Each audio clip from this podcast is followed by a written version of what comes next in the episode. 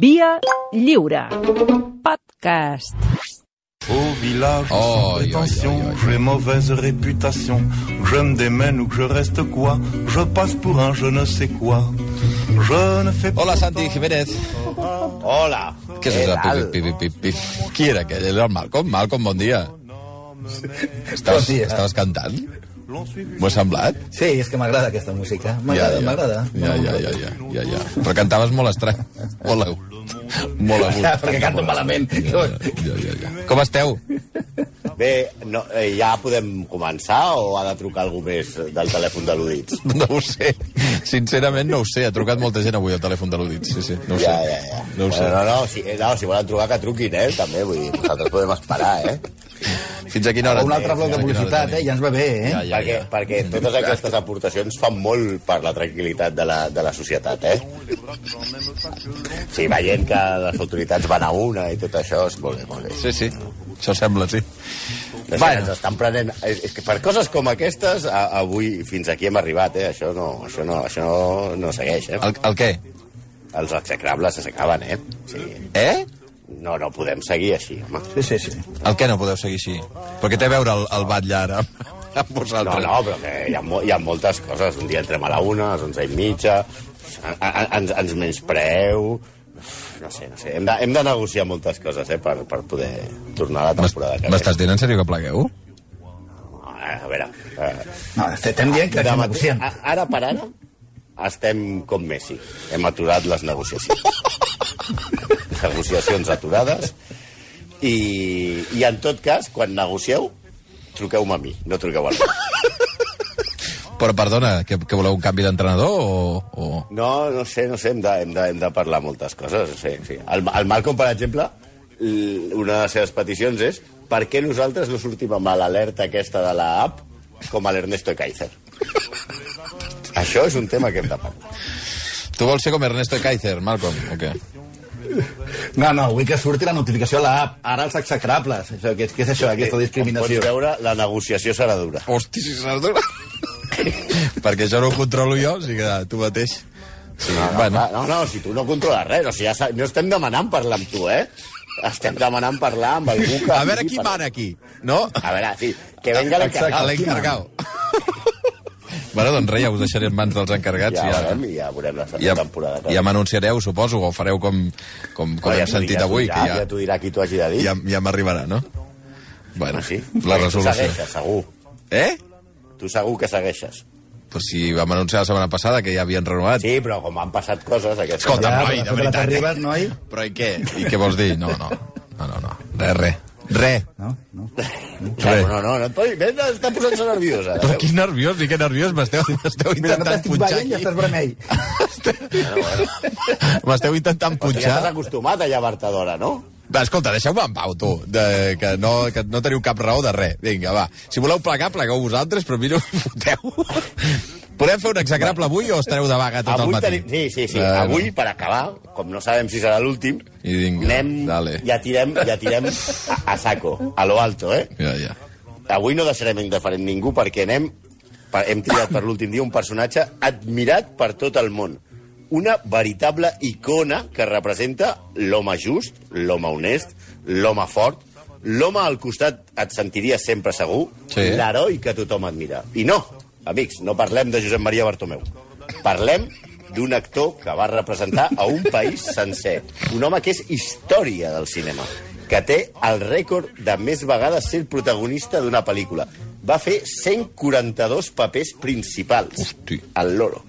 L'únic actor que va aparèixer 25, que ha aparegut 25 cops encapçalant la llista dels actors que més recapten cada any que tot i que va morir fa 41 anys, encara aguanta el número 13 de la llista de les 100 estrelles més grans de tots els temps.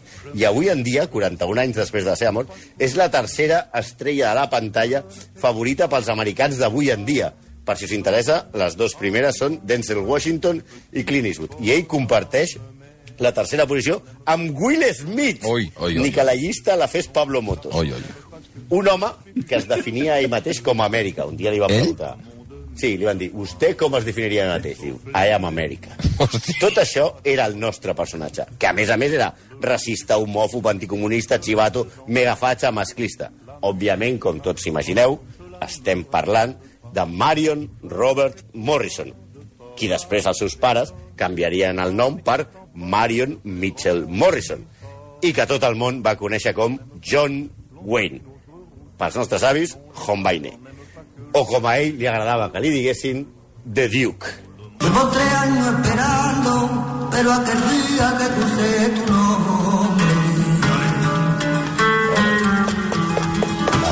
Bueno, això que té a veure amb John Ja Wayne... sé, Xavi, que tu t'imaginaves una música de l'oest. Home, seria, Sí, seria el normal, però bueno, en fi, cinc temporades amb vosaltres ja, ja em van... Eh... Sí, però és que no podien deixar passar l'ocasió de fer un homenatge al Duc posant a Duquende i les seves boleries, Buah. perquè no diguin que només posem música dolenta. O sigui, la gràcia és que, però com que el que- s'autonomenava de Duke, eh, poseu Que Duquende, diu no? el Duc, Duquende... Sí. Buah. sí, molt bé. Però bueno, el, Però el la punt següent el cançó, tema la, la següent cançó trigarem gaire a arribar-hi o no? Home, si no veure, perquè la cosa... Bueno, digues, digues. Sí, bueno, explica, no hi ha un bloc de publicitat al mig. Sí, sí, digues, la, digues. la, la, la cosa del nom és cachonda. És cachonda, perquè els seus, els seus pares, els pares del nostre tiarrón, que ben, de nen ja era el més alt de la classe, com Hombre. vosaltres dos, però en catxes. Hombre. I sent l'estrella de l'equip de futbol americà de l'institut. Ah, jugava a futbol I els pares americà, no van John tenir Wayne. millor idea John Wayne, sí, de posar-li Marion. Marion! Òbviament, els altres nens de la classe, que ja sabem com són els nens, es descollonaven perquè tenia nom de nena. Els pares, però, van tenir una segona oportunitat per solventar el tema i treure-li el trauma a, a, a Mario. Perquè quan era petit, li van canviar el nom, van anar al registre per canviar-li el nom, però li van canviar el nom del mig, el segon nom. Ell va ser inscrit, al, quan va néixer, com a Marion Robert Morrison. Però anys després, els seus pares tenen un altre fill, ell té un germà, i ells decideixen dir-li Robert, el segon germà.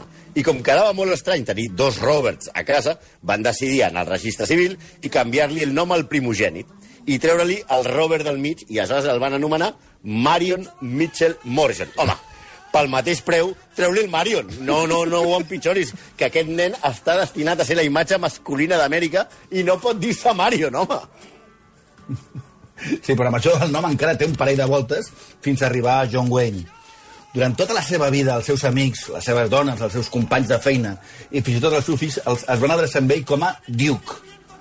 Molta gent pensa que és per la seva presència, el seu tarannà, però la veritat és que era pel gos que tenia quan era un nen, una mica com Indiana Jones, que es deia Indiana pel gos. Oh. Resulta que Marion, quan era petit, sempre anava tot arreu amb un Airedale Terrier anomenat Little Duke.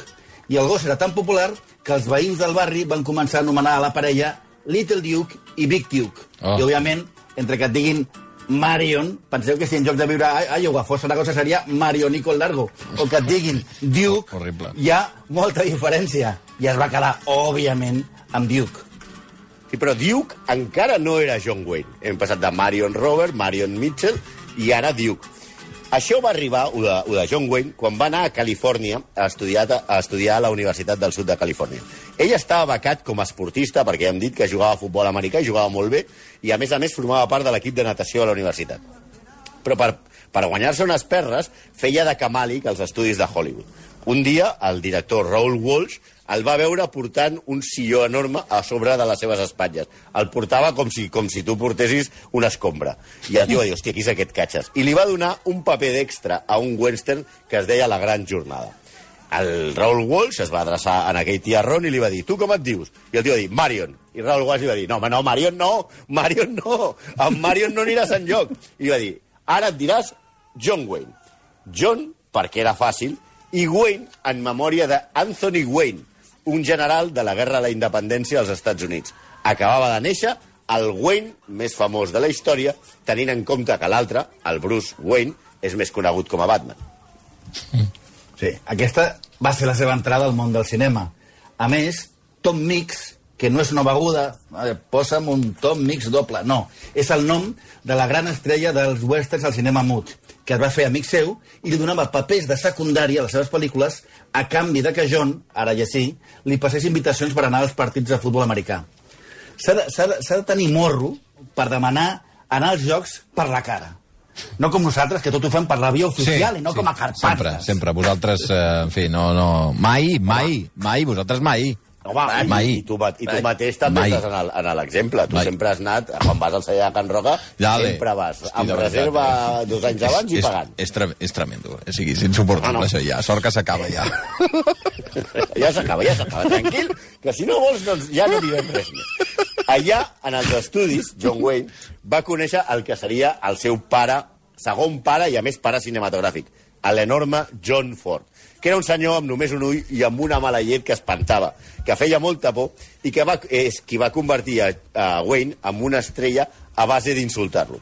Ford es referia a Wayne, a que estimava molt, però li deia coses com tros de carn, bàsicament li deia tros de carn, o hipopòtam. Durant el rodatge de la diligència, li deia coses com estúpid bastard, hauria d'haver aconseguit a Gary Cooper. No pots caminar com un home?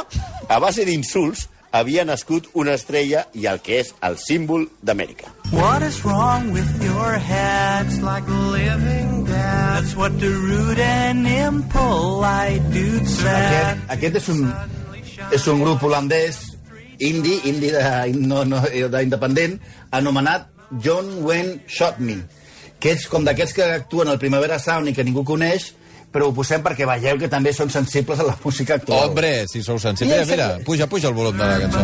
Mira, no està mal, goes aquesta. No està mal, eh?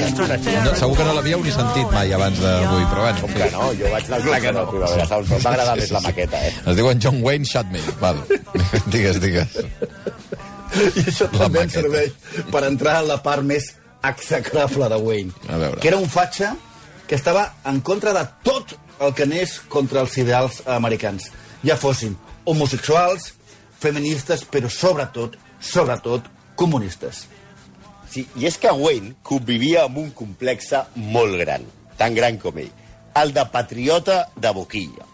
A diferència de moltes grans estrelles de Hollywood dels anys 40, Wayne no es va llistar a l'exèrcit per lluitar contra els nazis, com sí que van fer James Stewart o, o, o, altres, o altres actors. Eh, Wayne es va quedar a casa fent pel·lícules, moltes d'elles que havien de fer altres estrelles, però que no podien perquè s'havien allistat a l'exèrcit i estaven a Europa o al Pacífic. La seva última parella, i a més que la seva secretària, Pet Stacy, explicava que Duke va dedicar la seva vida a ser un superpatriota per expiar la seva culpabilitat per haver-se quedat a casa durant la O Segona sigui, el, gran, el gran heroi no va anar, no va No, anar no va a anar. lluitar una mica. Preferia matar indis que eren mexicans que a l'Eren. Ja. I l'oportunitat d'expiar aquest sentiment va arribar durant la guerra de Vietnam. Wayne no entenia que Hollywood, a diferència del que va passar a la Segona Guerra, no posés tota la seva maquinària propagandística per justificar el conflicte. I va ser aleshores quan va fer la pel·lícula Boinas Verdes, que deixa a Rambo com a l'acorazado Potemkin.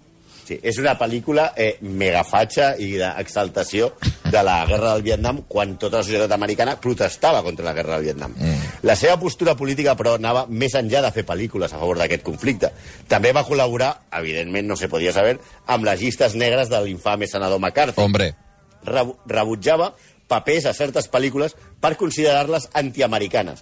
De fet, el 1957, ell discuteix amb Kirk Douglas el que li va retreure que interpretés a Van Gogh a la pel·lícula de El loco del pelo rojo, dient-li que, obro cita, quedem molts pocs com nosaltres. Hem d'interpretar personatges forts i durs, no ameriques tubets. Apa, aquí. També va rajar de pel·lícules com Easy Rider, que considerava una història de pervertits, i Cowboy de mitjanit, que va resumir com la història de dos maricons. això va dir John Wayne. Si eh? arriba a veure Brokeback Mountain, Hosti.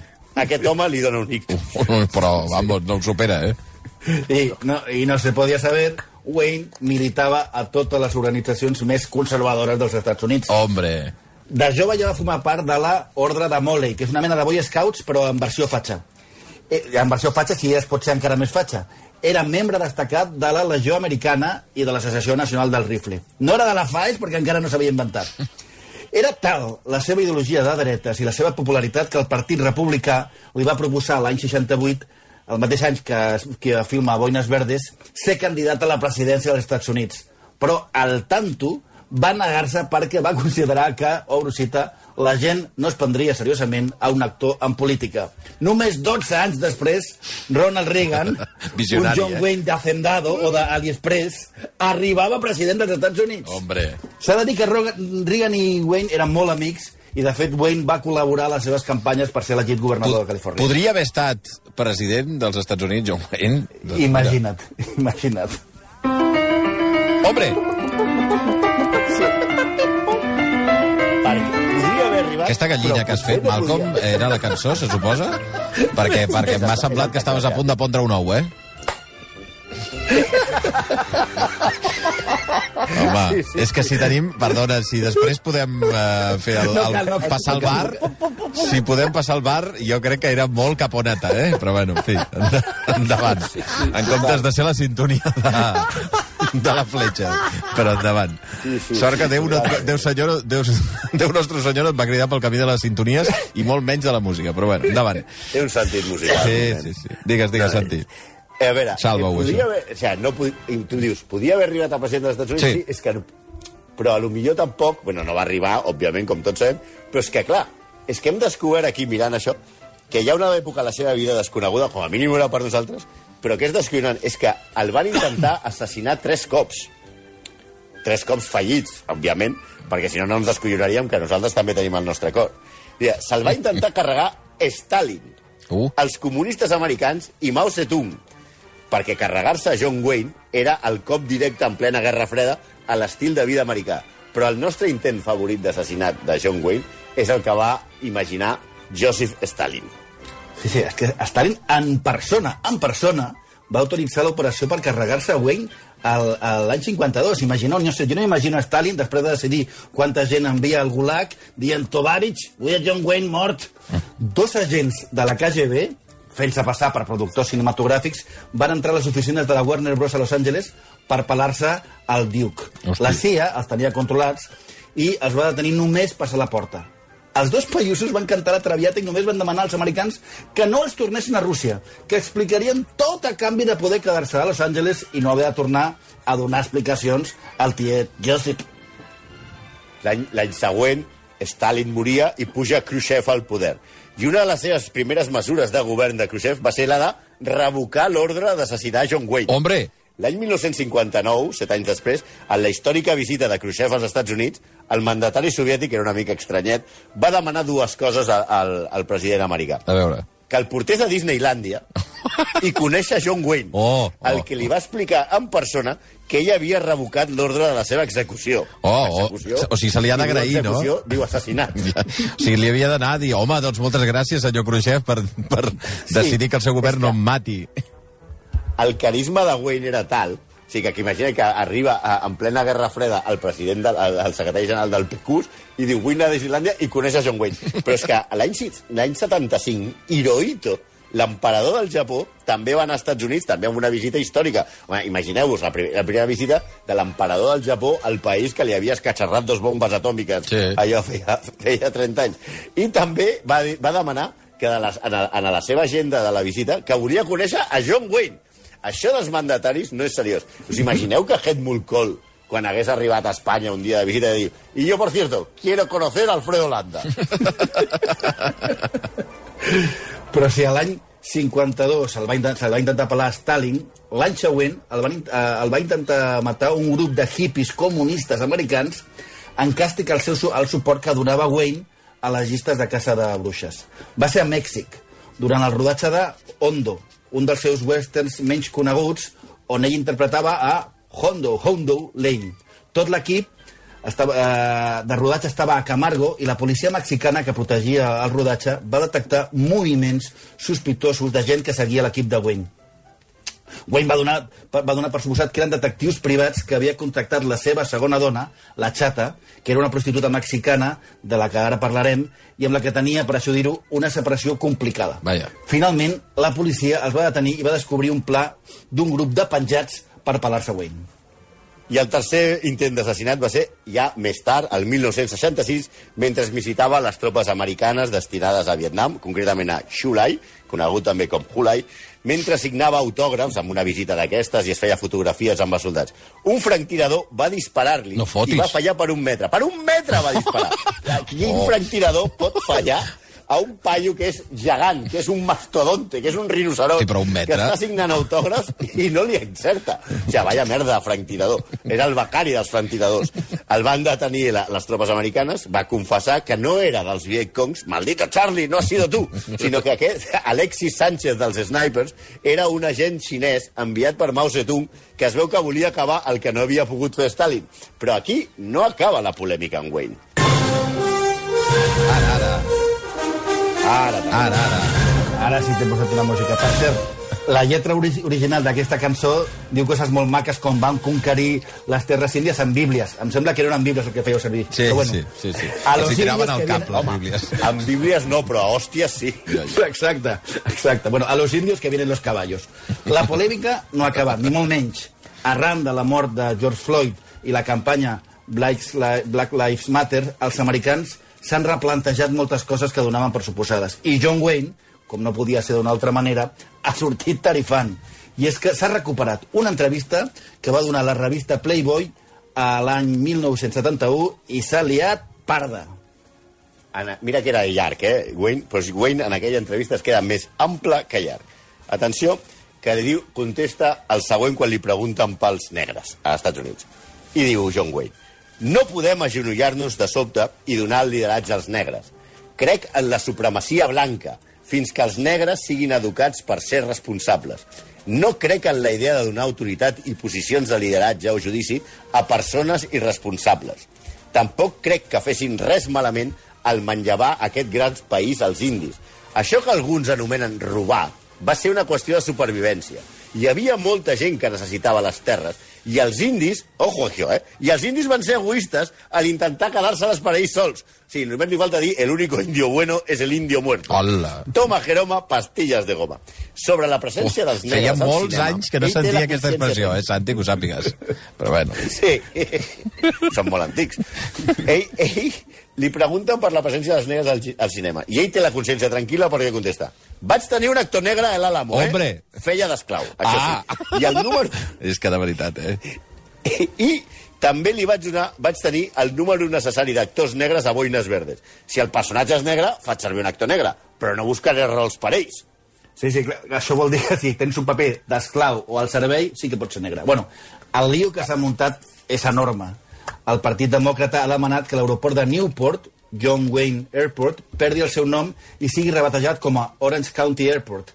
I tampoc ajuda que una de les, seva, una, una de les seves filles, que és la que dirigeix la Casa, la casa Museu de Wayne, a Iowa, s'hagi mostrat com una de les principals activistes a favor de el gran Donald Trump, que mai falla en els seus mítings al, al Museu John Wayne. Tómate esta botella conmigo. Oh, Aquesta també la vull cantar. oh, oh. Canta, Malcolm. No canta. cal, no cal, no cal, que no Que vull una altra gallina. arribes, hòstia. És la Xabela? Aquest to arribes. No? Sí, Xavier. Sí, Xabela. Oh. Anem a la, a la vida privada del Duke, que es va marcar per les borratxeres i els seus tres matrimonis amb una corrua de mans que hi havia, no? El que s'ha de dir de Wayne és que era un tio conseqüent. Bevia tequila com si fos aigua i li agradaven les senyores, ell ho tenia molt clar, descendència hispana. Va estar casat tres vegades. Una amb una panamenya, una altra amb una mexicana i una altra amb una peruana, però va morir parlant menys castellà que Gareth Bale. Només sabia dir, otro tequila, por favor. Tot i que de jove va estar liat amb Marlene Dietrich, una relació estranya, eh? perquè ni a ell li agradaven les roses ni ella era massa partidària dels homes. No obstant, ella el va definir com el millor llom de Hollywood, com si fos d'embotits bundó. I portava un rellotge a les calces i quan ell li preguntava quina hora era, ella s'aixecava la faldilla i li deia, obrosita, molt d'hora, encara tenim temps, vine cap aquí. Ai, per favor. Home, molt fina, Marlene. Molt, molt fin. La seva primera esposa, dèiem, era panamenya, descendència espanyola, més. Es deia Josephine, és a dir, Pepa, Alicia Saez. Josephine, bueno, Pepa, bueno, clar, si vols dir... És igual, va, tira, tira. És igual. Home, la Pepa, Sí, la sí, Pepa. sí, la Pepa. Era fi... Però clar, com era molt pija, Josephine. Era filla d'un diplomàtic molt rica, molt catòlica i molt conservadora. Amb ella va tenir quatre fills i es va acabar divorciant perquè ell mai estava a casa. Ell també tenia un gran complex d'inferioritat de cara a la família de la seva dona i mirava de superar en ingressos a les de la seva família, que tenia la sensació que la nena s'havia casat a, amb un caricato d'aquests que no feia res de bo. I tot i això, ser uns actors era un dels actors millor pagats del món. O sigui, imagineu la pasta que tenia la família de la seva dona. Això va provocar que feia que fes moltes pel·lícules a l'any i es passava gran part de l'any fora de casa. Aquí anava amb els seus amigotis, que eren l'All-Star de la NBA dels blavadors. encapçalats sempre per John Ford. Sí, els rodatges es programaven ben d'hora, però ben d'hora al matí, i no per consell de Guardiola, sinó perquè tothom sabia que Wayne, Ford i companyia, després de dinar, ja no eren persones. E- Era com aquells diners de feina que es fan als de Madrid, que comencen a les dues i a dos quarts de vuit encara van pels xupitos. I arriben a casa a les 11 i diuen allò de «Qué dia más duro!» En, en paraules dels seus col·laboradors, després de dinar, Wayne es convertia en un borratxo cruel. En un d'aquests rodatges a Mèxic, amb molta, molt tequila i moltes putes, Noi. Wayne es va liar amb... No, home, sí que és veritat. Bueno, amb sí, Espera... però escolta'm, va. es lia amb Esperanza Bauer. Res a veure amb la gent Jack Bauer. Esperanza Bauer, coneguda com la Chata, era una prostituta mexicana que bevia més que ell. Més que Wayne. Wayne, Sí. més que Wayne encara. Wayne perd la javeta per ella, tot i que Ford, fent-li de pare, li va recomanar que tornés a casa amb Josephine, endavés amb la Pepa, i, eh, i no la liis. Wayne es va casar, no li va fer cas, i es va casar amb la xata. Cosa que Josephine, no accept, que no acceptava el divorci, mai li va perdonar. Ell es va justificar dient que si havia tingut quatre fills amb la seva primera dona era perquè només havia fet sexe amb ella quatre cops en 10 anys. Amb la xata no va tenir fills, però es veu que sí que va tenir bastant més sexe. Sí, eh, li deia això de què onda, Wayne? Òbviament, la cosa, més enllà del sexe, no va funcionar. Quan no estaven cardant, estaven borratxos, i a més la xata es va portar a viure amb ells, que això sempre funciona i va molt bé, a la seva mare. Hombre! Que era una, una senyora d'armes tomar, eh? El divorci va ser d'aquell de, per treure els ulls fins al punt de que quan els comunistes friquis hippies el van voler matar, com deien abans, Wayne donava per fet que eren detectius enviats per la, per la xata. Un cop es divorcia de la xata, es casa amb Pilar Payete, una peruana de 26 anys, que era la dona d'un dels industrials més rics de Perú. Ell tenia 47 anys, aleshores.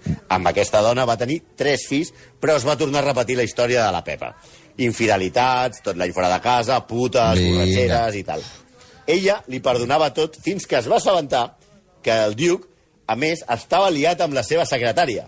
I la, i la Pilar Payete va dir, això sí que no, puta sí, però la secretària no. Noi, és en aquell moment quan comença a tenir símptomes del càncer que va acabar amb la seva vida i com que tot el que passa amb aquest home té una història estranya. a veure. A l'any 56, a Wayne se li fot a la seva interpretar a Gengis Khan Ah, sí? i roda El conquistador de Mongòlia. Mhm. El rodatge es fa a Utah per simular les estepes de Mongòlia.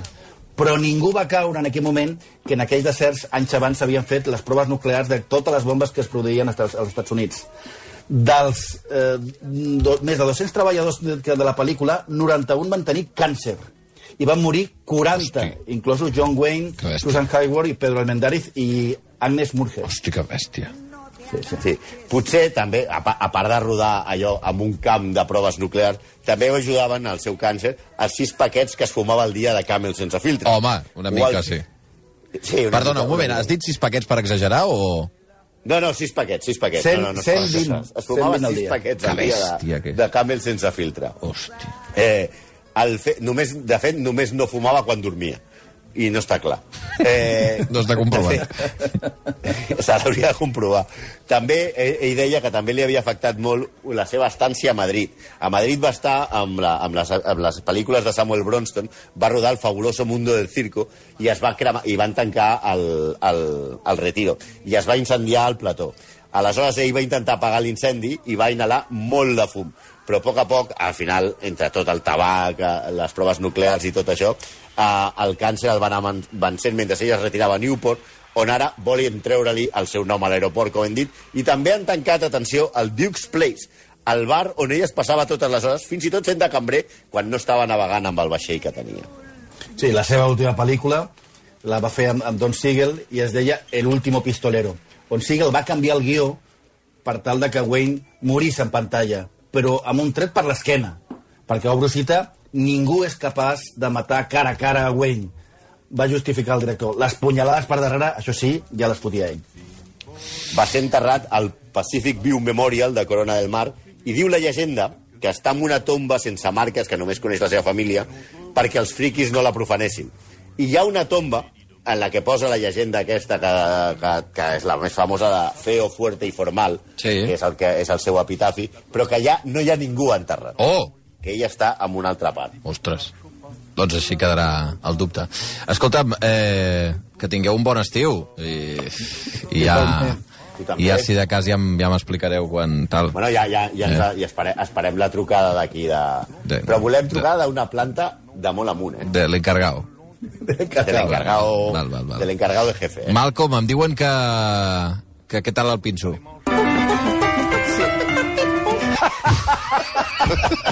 Apa, adéu-siau, bon estiu. Tout Eh? le monde viendra me voir Un gran final de temporada. sauf les aveugles, bien entendu.